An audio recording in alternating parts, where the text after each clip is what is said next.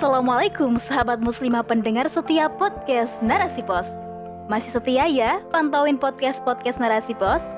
Baiklah, saya Devi Fitriana di episode kali ini akan membawakan rubrik Syiar. Agama Mabdai oleh Rahmiani Tiflun Eskep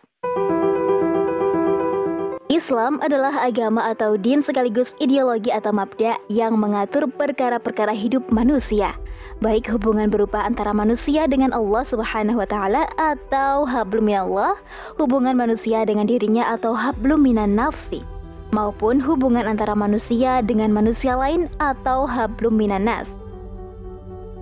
Tidak ada suatu permasalahan di dunia ini kecuali telah ada penjelasannya di dalam Islam, sebagaimana disampaikan Imam Syafi'i.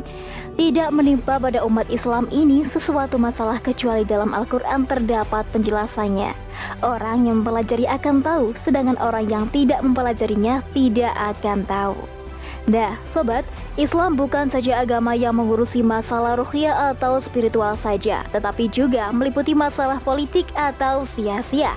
Sebab Islam adalah akidah spiritual dan politik. Sebagai akidah spiritual, Islam mengatur perihal akhirat seperti surga, neraka, pahala, siksa, dan dosa. Termasuk di dalamnya terkait masalah ibadah, sholat, zakat, haji, puasa, dan jihad. Sedangkan sebagai akidah politik, Islam pun mengatur tentang urusan keduniaan seperti politik, ekonomi, sosial, pemerintahan, pendidikan, sanksi, hukum, dan sebagainya. Sebagaimana firman Allah Subhanahu wa taala, "Dan kami turunkan kepada kamu kitab ini untuk menerangkan semua perkara." Quran surat An-Nahl ayat 89. Kemudian dalam ayat lain pun Allah Subhanahu wa taala berfirman, "Hari ini telah aku sempurnakan agamamu dan telah aku cukupkan nikmatku untukmu serta aku ridhoi Islam sebagai agamamu." Quran surat Al-Maidah ayat 3. Sobat, karena itu sebagai seorang muslim yang telah bersyahadat dan meneguhkan keimanan diri dengan bersaksi bahwa Tuhannya adalah Allah Subhanahu wa taala, bagaimana mungkin dia bisa mengambil aturan di luar Islam? Bagaimana mungkin di satu sisi seseorang itu mengaku robnya adalah Allah, sedangkan di sisi lain dia berkompromi dengan Tauhid? Tentunya ini merupakan peringatan keras dan tegas dari Allah Subhanahu wa taala agar kita tidak mengambil Islam hanya dalam perkara ruhiyah semata. Sementara dalam menjalani kehidupan, kita justru berkiblat pada mabda atau nizam atau aturan atau sistem di luar Islam, semisal sekulerisme, kapitalisme, demokrasi, dan juga sosialisme komunisme. Kita tentu tidak ingin disamakan seperti orang-orang Yahudi yang telah Allah abadikan lewat firman-Nya. Apakah kamu beriman kepada sebagian isi Alkitab dan ingkar kepada sebagian yang lain? Quran Surat Al-Baqarah ayat 85 Nah, sayangnya sobat, hari ini kita hidup dalam dunia yang asing ibarat ikan air laut yang terpaksa harus hidup di air tawar. Seperti itulah gambaran kaum muslimin kini. Jika tidak mati, maka hidupnya pasti menderita. Padahal Allah Subhanahu wa taala telah pula mengabarkan bahwa umat Islam adalah umat terbaik sebagaimana termaktub dalam Quran surat Ali Imran ayat 110. بسم الله الرحمن الرحيم كنتم خير أمة أخرجت للناس تأمرون بالمعروف بالمعروف وتنهون عن المنكر عن المنكر وتؤمنون بالله ولو آمن أهل الكتاب أهل الكتاب لكان خيرا لهم منهم المؤمنون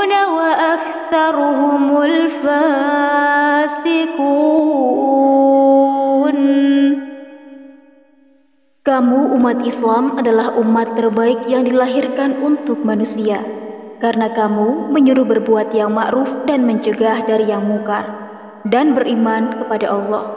Sekiranya ahli kitab beriman tentulah itu lebih baik bagi mereka.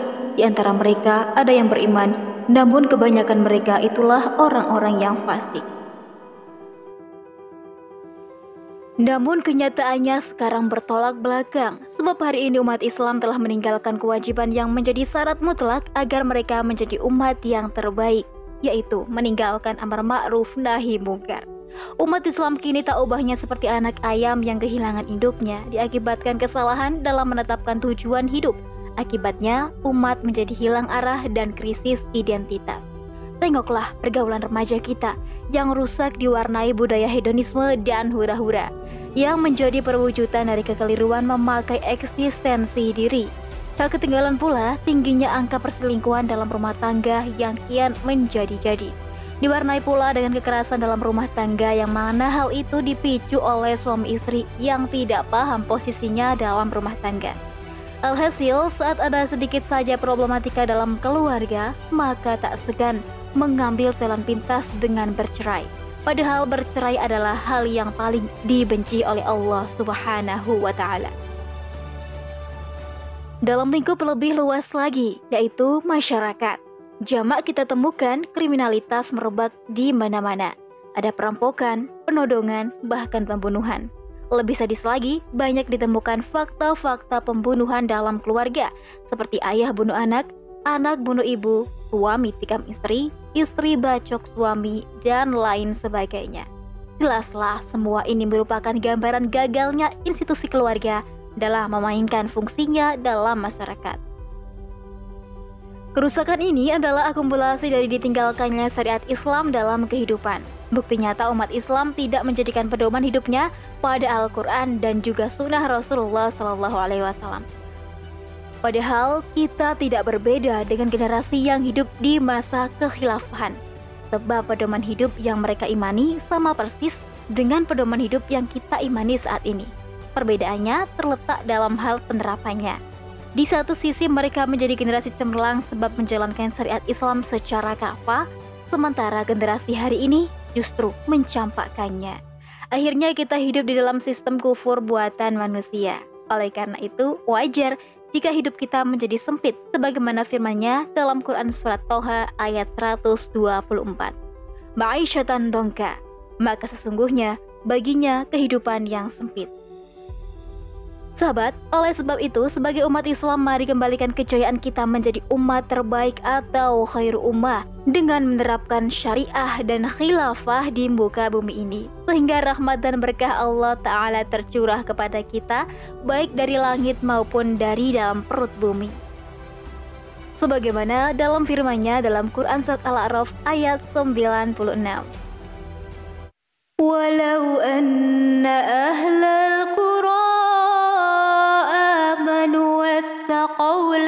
لفتحنا عليهم لفتحنا عليهم بركات من السماء والأرض ولكن كذبوا فأخذناهم فأخذناهم بما كانوا يكسبون. Dan sekiranya penduduk negeri beriman dan bertakwa, pasti kami akan melimpahkan kepada mereka berkah dari langit dan bumi. Tetapi ternyata mereka mendustakan ayat-ayat kami. Maka kami siksa mereka sesuai dengan apa yang telah mereka kerjakan. Wallahu alam bisawab.